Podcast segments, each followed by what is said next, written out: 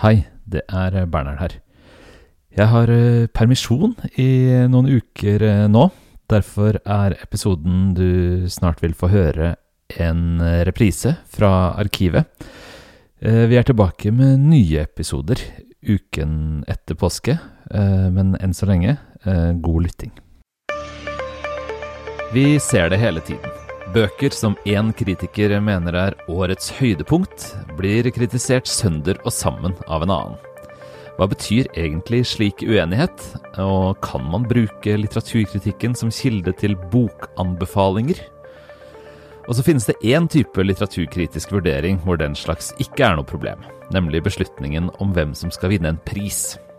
Denne uken ble den høythengende Nordiske råds litteraturpris delt ut. Vi tenkte vi skulle snakke litt om vinneren, og om en nominert som ikke skulle vært nominert. Jeg heter Bernhard Ellefsen, jeg er bokansvarlig i avisa. I den andre enden av telefonlinja har jeg Anne Farsetås, kulturredaktør. Hei, Anne. Hei, Bernhard. Ja, vi tar jo opp disse episodene våre fredag morgen, eh, selv om vi sender dem ut i verden på søndag formiddag. Og det vil si at i går så hadde vi Morgenbladet-salong i, i, Oslo, hvor vi diskuterte høstens bøker. Der diskuterte vi også litt grann dette her som jeg var innom i introen. Eh, altså kritikere som er veldig uenige. En av våre gjester, Ingunn Økland i Aftenposten, har skrevet en kommentar om det tidligere i høst.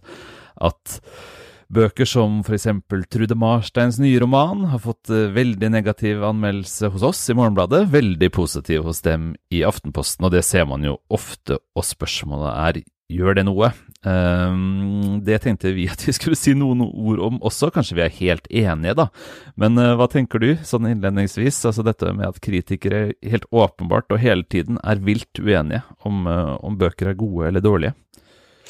Jeg tenker jo ikke at det er noe stort problem, eh, snarere tvert imot. Altså, som leser syns jeg jo det er eh, ganske engasjerende. Eh, at det mm. blir litt mer drama.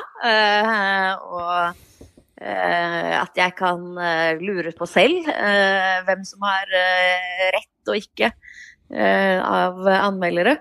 Eh, men det er klart at jeg er jo også Nå har jeg drevet med litteraturkritikk i 20 år, da, så det er ikke sikkert at jeg leser det akkurat sånn som alle andre. Eh, det, det kan jo være at Jeg tror vel det Ingunn Økland prøver å peke på i sin kommentar, er om det kan være forvirrende for eh, lesere som bare vil ha en, noen å stole på mm.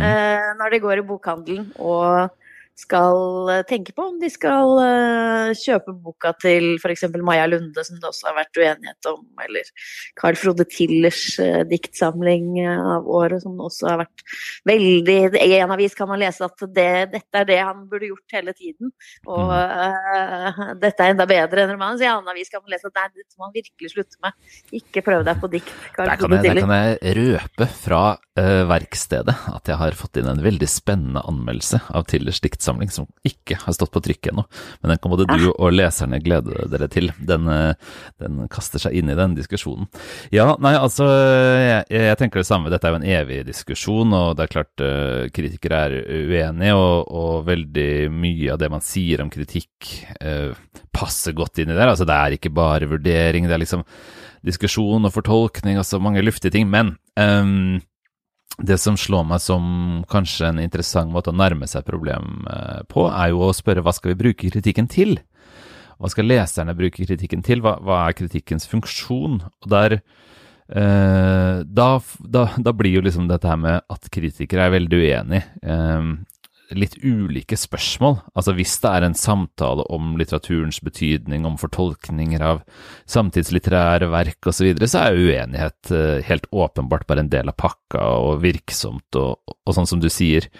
Men det er jo også uvegelig en dimensjon av skal jeg gidde å lese denne boka eller ikke, når man leser anmeldelser. Og da da er det faktisk et litt mer sånn interessant spørsmål, syns jeg, dette med, med, uenige kritikere. Altså, for, for, det er en dimensjon av skal Er denne boka anbefalesverdig eller ikke? Er det ikke det, da? Jo, men er det sånn at man leser en avis, og så tenker man eh, ja, det som står i denne avisen og det som denne personen sier, er sikkert sant, og jeg bør stole på dette, eller leser man det mer eh, Jeg tenker jo litt at jeg leser kritikk for å få et overblikk. Én, disse bøkene har kommet ut sånn cirka, og danner meg et bilde. Er dette interessant for meg? Men jeg er ikke helt sikker på om jeg trenger at kritikeren At jeg stoler på at den, det den kritikeren liker, er det samme som det jeg liker. Så... Jeg kan jo lese forbi det og tenke nei, jeg syns ikke det var noe særlig godt argument. Det der høres ut som Noen ganger Noen ting er jo sånn at hvis noen virkelig misliker det intenst, så blir man veldig nysgjerrig på uh, uh, hva det er som blir mislikt. Spesielt hvis man tenker at uh, den argumentasjonen ikke er så overbevisende. Ja, altså som kritiker selv, så når jeg får tilbakemelding på mine tekster, så må jeg si at en at hele viften på en måte er representert. Da. Det er veldig oppløftende, syns jeg. Noen syns at uh, anmeldelsene mine er gode anbefalinger eller frarådinger. Noen sier når jeg har skrevet noe veldig kritisk at den skal jeg i hvert fall lese. mm. og, og, alt midt imellom. Uh, så jeg har veldig inntrykk av at det er en veldig sånn, bred måte, og at man Det er gamle, gamle I hvert fall før, da, hvor det kanskje var tydeligere kritikersignaturer i avisene. Nå er jo um, alt mer fragmentert, så kunne man jo også høre mange si at jeg stoler på den og den musikkritikeren, eller jeg stoler på den og den litteraturkritikeren. Det, den har ofte smak som er lik min, osv. Så sånn at man leser kritikken for innholdet, men så når man kommer til dette med anbefalinger eller ikke, så stoler man kanskje på noen, da, som man har etablert. En sånn mm. følelse av at de liker litt det samme som meg, eller, eller sånn. Absolutt. Men det som eh, vel Økland prøver Det bildet som hun prøver å tegne i sin kommentar, det er vel spørsmålet om noe har endret seg mm. eh, gjennom Det er et faktum at det er færre anmeldelser, selvfølgelig, mm. i, eh, sånn all over, eh, og at eh, og om dette liksom utvalget og det faktum at i hvert fall eh, noen nettpublikasjoner legger veldig vekt på at ting skal være oppsiktsvekkende, om det da fører til uh, sterkere meninger, da. Mer slakt og mer ros. Og det er vel det hun sier, at hvis, hvis en anmelder gang på gang på gang skriver at dette er den beste boken jeg noensinne har lest, hvor troverdig blir det på sikt?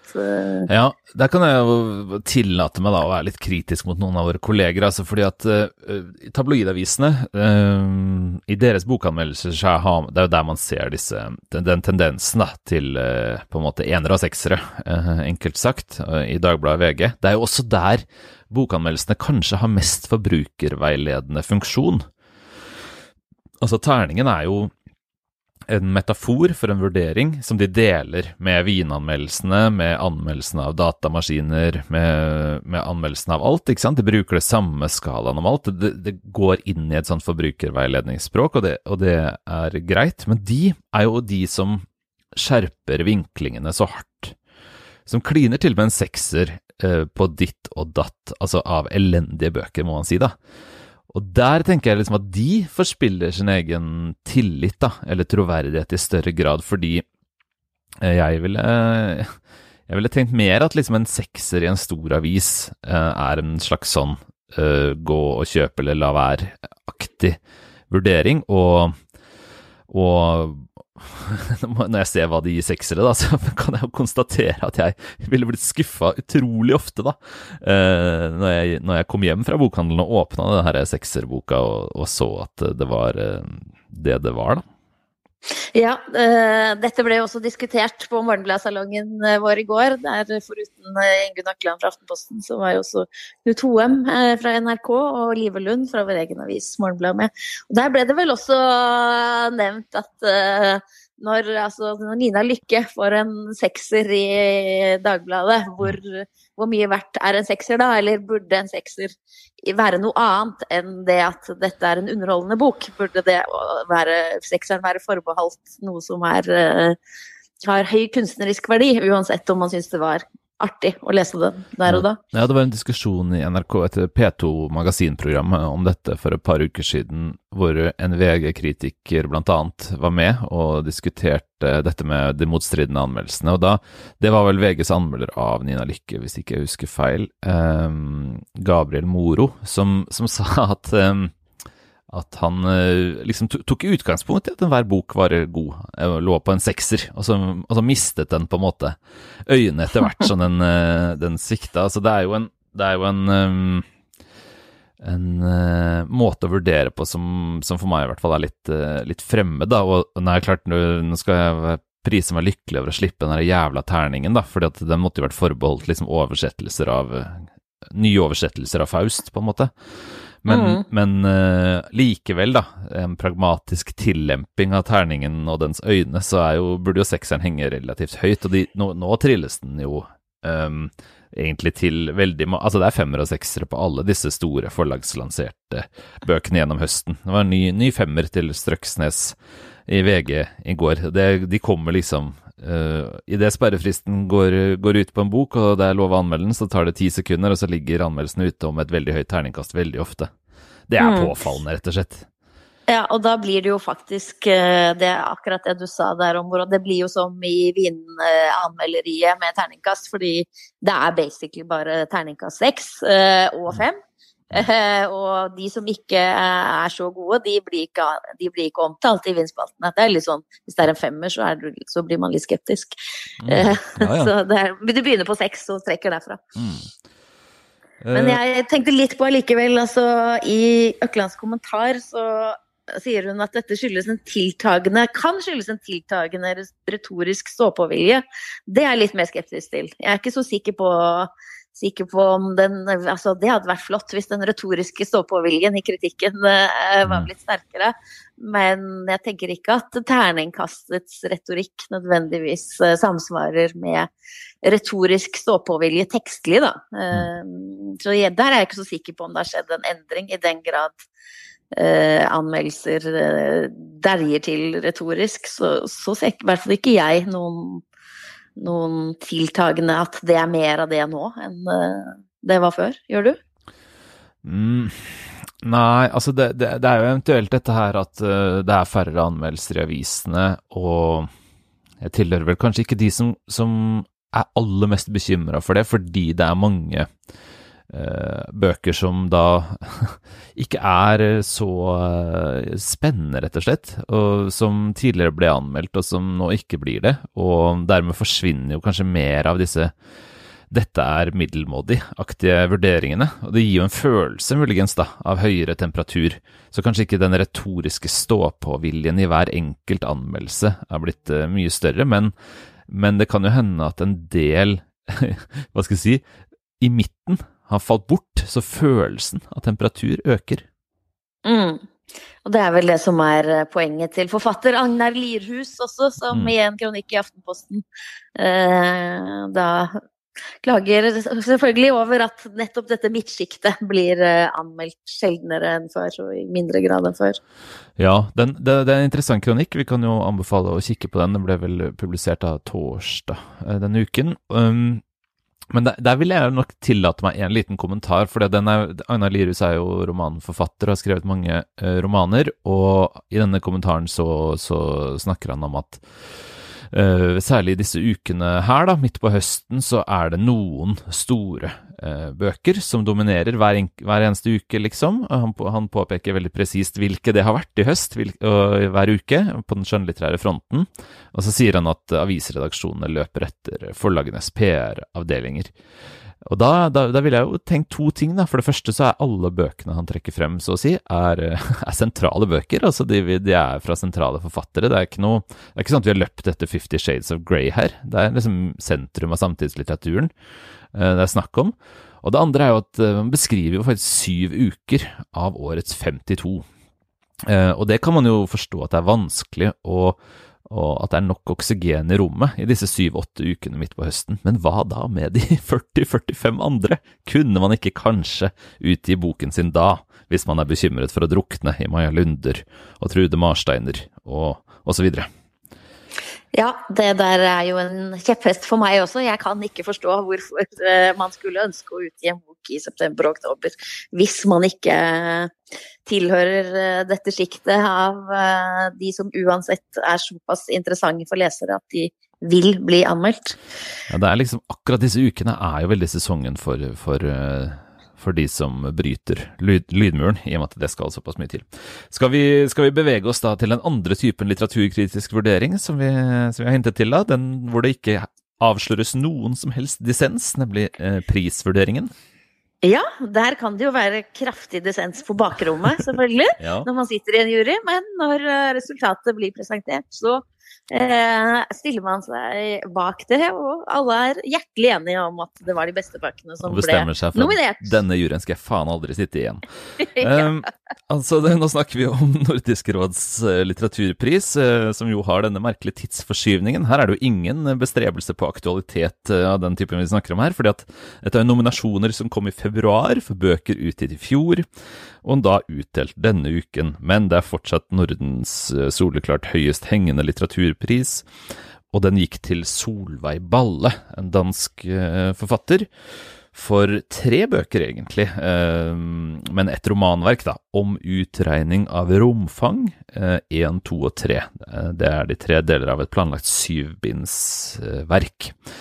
Um, vi skal snakke litt om den, men skal vi likevel snakke litt om en av de nominerte først? For det var en slags Ja. pussighet blant årets Det er nominasjoner. veldig rart, og det oppdaget jo vi først. Vi hadde jo egentlig ikke tenkt på det, fordi det virker jo helt opplagt at Kerstin Ekman, en av Sveriges og Skandinavias største forfattere, selvfølgelig skulle være nominert for sin roman 'Løpeavarg'. Den har jo alle kritikere elsker den. nå snart hele Altså, den blir oversatt til flere europeiske språk også. Den har jo blitt enormt kritikerrost i Danmark og Sverige og Norge.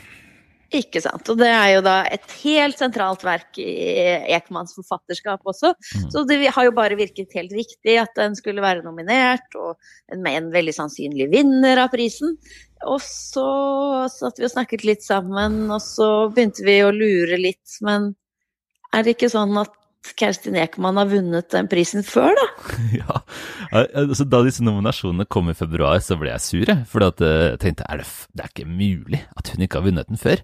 Eh, For dette er jo en pris man, eh, man hvis man skal tolke etter lister og praksis gjennom 60 år nå, bare kan vinne én gang. Det har aldri skjedd på de listene jeg har sett på, at en vinner senere er blitt nominert igjen. Så da tok jeg det for gitt at hun ikke hadde vunnet, f.eks. ikke for sin stormann 'Hendelser ved Vatn' eh, fra 1994, som, som jeg da tenkte at var en idiotisk beslutning. Eh, men så var det jo februar, og det er jo en evighet til denne prisen ble delt ut, så jeg glemte det litt igjen. Og så begynte vi å snakke om det tidligere i uka her, og da, da, nevnte vi dette her sammen igjen. Eh, og så har hun jo vunnet før, for det hadde jeg funnet ut i mellomtiden at hun hadde vunnet. Og så, Ja. og så sa vi det er jo ikke mulig. Nei, det, det skulle jo ikke være mulig. Eh, og eh, det er jo som du sier, alle tror at dette er en pris man bare kan vinne én gang. Mm. Og det har aldri skjedd at noen har blitt nominert eh, etter at de har vunnet prisen. Men så gikk vi da og så at eh, det står ikke noe i statuttene om dette. Nei. Eh, men det har allikevel alltid vært praktisert sånn. Ja. Uh, Ja, og jeg har jo sittet i denne juryen. ja, da kan jeg jo bare spørre deg et enkelt Ja. ja-nei-spørsmål. Du skal slippe å avsløre noe av det hemmelige juryarbeidet, men et enkelt spørsmål er jo har Dag Solstads romaner vært til vurdering hos dere når, når dere har eh, Eller Kjartan Fløgstads eller eh, Merete Lindstrøms romaner vært aktuelle når dere har Nei. vurdert årets bøker? Nei? Nei, Og sånn har det jo- Per Pettersons bøker Mm. osv. Mm. Fordi vi har i alle år tatt for gitt at den normen som er etablert, nemlig at når man har vunnet, så blir man ikke nominert, eh, gjelder. Sånn at det har gjort juryarbeidet lettere på den måten at eh, det er da mange gode bøker som man bare legger rett til side. Eh, og det gir jo mulighet da for eh, andre som ikke har vunnet prisen før, til å bli nominert. Hvis vi hvert år skulle vurdert eh, Dag Solstad, Per Petterson osv. Når disse utgir bøker, så ville jo konkurransen blitt ganske hard. Og det er bare to bøker som skal nomineres fra hvert land. Så det ville jo kunne bli mange nominasjoner av de samme forfatterne igjen og igjen, da. Som det også blir nå, men ikke etter at man har vunnet prisen. Der oppfattes det litt Normen har vært at det oppfattes litt som Nobelprisen. Den får du ikke to ganger. Og det er viktig, tenker jeg. Altså, vi kan bare først si at vi, vi tok kontakt med, med sekretariatslederen for å, for å spørre om hva, hva som lå bak her, og, og, og hun svarte at, um, at det ikke, ikke står noe i statuttene, vedtektene, om at um, man ikke kan vinne den to ganger. Men hun svarte også at uh, dette var å regne som et særtilfelle på spørsmålet om uh, de altså tidligere nominerte nå kunne forvente seg nye nominasjoner. Så det virker jo kanskje som man uh, kanskje kan se for seg at vedtektene kommer til å inneholde et punkt snart om at man bare kan vinne denne prisen én gang. Men eh, altså det er viktig at man bare kan vinne den én gang. Du er jo innom her at eh, da ville det jo fort blitt en slags sånn vandrepokal mellom gigantene. Altså, P.O. Enquist fikk denne prisen veldig tidlig. Um, tenk hvor mange gode bøker han skrev liksom gjennom 70-, 80-, og 90- og 2000-tallet, da. Um, og det kan man si om mange andre forfattere også. De ville jo naturlig vinne den tre og fire ganger. Og um, kjempespennende og viktige prisutdelinger som de siste årene Snivia Corneliussen eller Jonas Eika hadde jo nesten vært vanskelig å se for seg, hadde ikke det? da? Jo, det hadde jo gjort at, eh, ikke sant, i Sverige Sara Stridsberg eh, vant jo så tidlig i sitt forfatterskap og skriver fantastiske bøker. Mm. Eh, så hvis alle måtte konkurrere med Sara Stridsberg hver gang hun utgir bok, så, så, ville det bli mange flere gjengangere, ja. Og mye, mye vanskeligere å nå gjennom for nye forfattere. Så det er vel Jeg tenker jo at intensjon Man har nok tenkt at intensjonen er at det skal vise fram eh, det beste, selvfølgelig, eh, fra hvert land og hvert språkområde. Men at ikke det beste skal være fra de samme forfatterne igjen og igjen. Man, det er jo et poeng med kulturutveksling i denne prisen. Mm. Og da tror jeg nok at eh, i hvert fall man tenker at det er meningen at man skal få også se ny litteratur. Da. Mm. Nye mm. ting som man ikke er, ikke er, kjent i de andre landene fra før av. Uh, som tidligere jurymedlem skal du slippe å ta stilling til dette, så jeg legger dette mer ut som en rant enn som et spørsmål. Men her, jeg tror jo her at uh, den svenske juryen har driti seg ut, rett og slett. At de på en eller annen måte har uh, glemt at hun er nominert før, eller, eller Altså vunnet før, eller glemt denne konvensjonen, normen, eller noe midt imellom. Uh, og det som um, blir problemet i år, da, uh, la oss anta at dette blir et særtilfelle. Og det er ikke noe rasjonell grunn til at det skulle være et særtilfelle. Altså, Ekman er jo 89 år gammel nå. Hun, hun, kunne jo på en måte fortjent litt særbehandling, og det er lenge siden hun vant sist. Men det, det er også tilfellet med tidligere vinnere. Altså, Fløgstad vant i 78. Eh, enda mye lenger siden enn en, eh, Ekman, og kunne fint ha vunnet for en av sine romaner de siste ti årene, f.eks. Men altså, i år, selv om det er et særtilfelle, så har man da en, en, slags nominert som jo den samlede juryen vel ikke kunne velge, for ikke å ødelegge premissene for prisen. Så, så jeg syns jo at årets vinner, som vi straks skal komme til, er en veldig flott og absolutt verdig vinner, for det er ikke så konkurranse at, at det må være én som stikker seg frem, i mine øyne. Men men det, det, blir jo en sånn mistanke da, om at det her kunne de jo ikke velge Ekman, eh, fordi det var en slags feilnominasjon. Eh, og hvis de hadde Nå blir, vil jo alle glemme det, hun var jo bare en av eh, over ti nominerte som ikke fikk prisen. Hadde hun fått prisen, så hadde liksom denne lista blitt seende helt annerledes ut. Og det tror jeg ikke de kunne gjøre. Sånn End of rant, som det heter. det var slutt på ranten? ja. Jeg skal ikke mene så mye om hva juryen har gjort i dette tilfellet, bare konstatere at uh, jeg tror at det er heldig for prisens videre utvikling at uh, den ikke blir gitt til samme forfatter to ganger, fordi det ville nok kunne gi prisen en kjedeligere historikk fremover, og egentlig svekke betydningen av prisen. Og selv, da, som nærmest pinlig eh, fan av Kjerstin Ekman, så, så, har jeg, etter å ha lest en og en halv av de tre romanene eh, Solveig Balle har vunnet for siden tirsdag kveld, um, måttet konstatere at dette i hvert fall er veldig flott. Det må jeg si. Ja. ja. Jeg er veldig spent på å lese Solveig Balle. Dette har jo vært eh, en stor suksess i eh, Danmark. Mm. Men eh, selv er jeg helt blank på Solveig Balles forfatterskap. I likhet med de fleste andre, skal vi si litt om hvorfor det, da? For det er jo en, en, for en gangs skyld en ganske naturlig grunn til at vi er så å si blanke på denne forfatteren. Um, ja. Altså, hun, hun var jo Hun debuterte midt på 80-tallet, hun er 60 år gammel nå og fikk sitt store gjennombrudd på første halvdel av 1990-tallet, da hun skrev en roman som ble veldig godt mottatt. Og hun, hun, slo jo da igjennom samtidig med en del andre eh, kvinnelige forfattere, som i ettertid har vært veldig viktige Kristi, altså i Danmark, da. Det er jo ikke verdens største navn, men eh, en viktig generasjon av kvinnelige forfattere i Danmark. Men i motsetning til mange av de andre, Katrine Marie Gulldager, Kristina Hesselholt, Naya Marie Ait osv., så, videre, så har hun knapt utgitt noe siden da. Et par-tre kortprosasamlinger og en liten essaysamling. Veldig lav profil har hun holdt, kan vi si. Eh, det viser seg jo nå å skyldes at hun egentlig hele tiden, eh, hvis vi skal tro forlagsomtalene, har jobba med dette romanverket her, da. 35 år hevder det norske forlaget at hun har vært i gang med dette som skal bli et syvbindsverk, og det har, har jo skapt furore i Danmark, og nå eh, fått Nordisk råds litteraturpris. Og en siste ting om liksom utgivelsesdetaljene, det er at hun utgir det på eget forlag. Det er jo ekstremt uvanlig.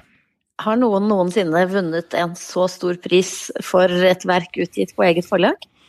Nei, det kan jeg jo ikke tenke meg. Altså, det, det, altså det, vanligste grunnen til å utgi på eget forlag er jo at man ikke får det utgitt på et stort forlag. Det er jo ikke mulig å tenke seg her. Eh, altså, jeg vil anta at Gyldendal og andre danske forlag ville ha ligget flate etter denne utgivelsen. Det må jo være, ha mer med et sånt performativt eller en av Altså, det er noe prosjekt, noe egenrådig. Det må være det som er grunnen. Det er uforståelig at det skulle være mangel på vilje til å utgi det. Det tror jeg ikke, altså.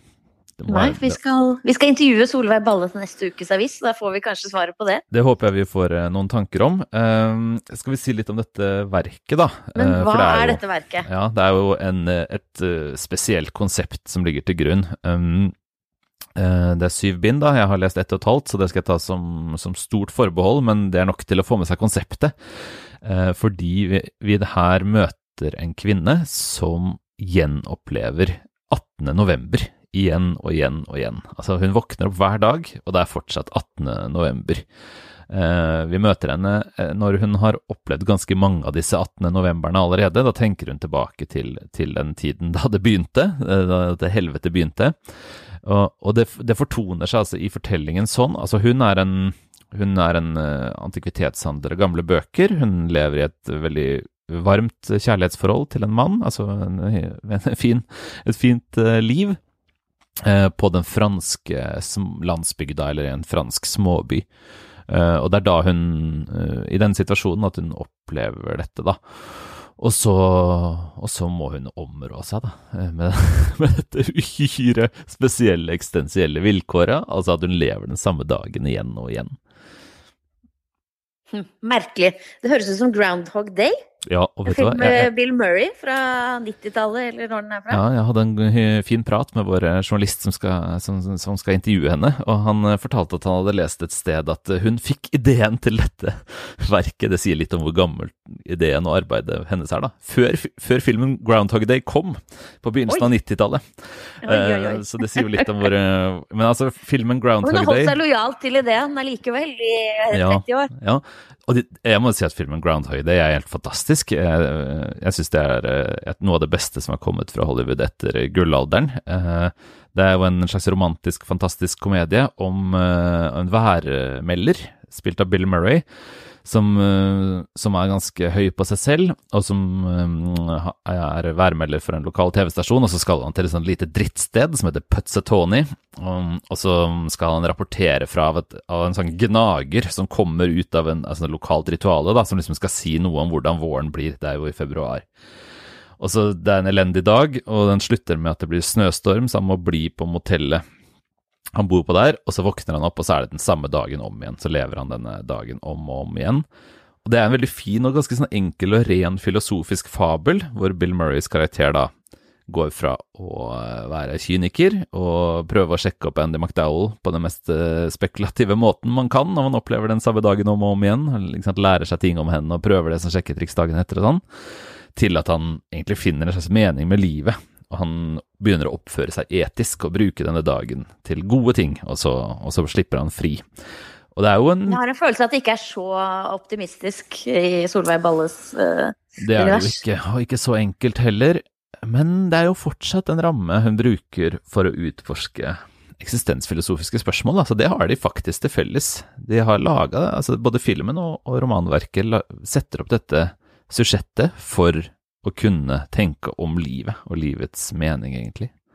Men hvis jeg skulle velge én uh, dag å gjenoppleve igjen og igjen uh, Det finnes jo også en Donald-historie der uh, Ole Dole og Doffen ønsker at det skulle være jul hver dag. Så viser det seg at det ikke er så veldig gøy. Mm. Men da ville jeg ikke valgt meg 18. november, altså.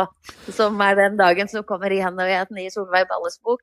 Nei, jeg tenkte jo på, jeg tenkte på Henrik Nordbrandts dikt, altså den danske poetens kjente dikt om november, da jeg, da jeg begynte å lese denne boka. det det går jo sånn eh, Det heter året har 16 måneder. Han går sånn eh, november, desember, januar, februar, mars, april, mai, juni, juli, august, september, oktober, november, november, november, november.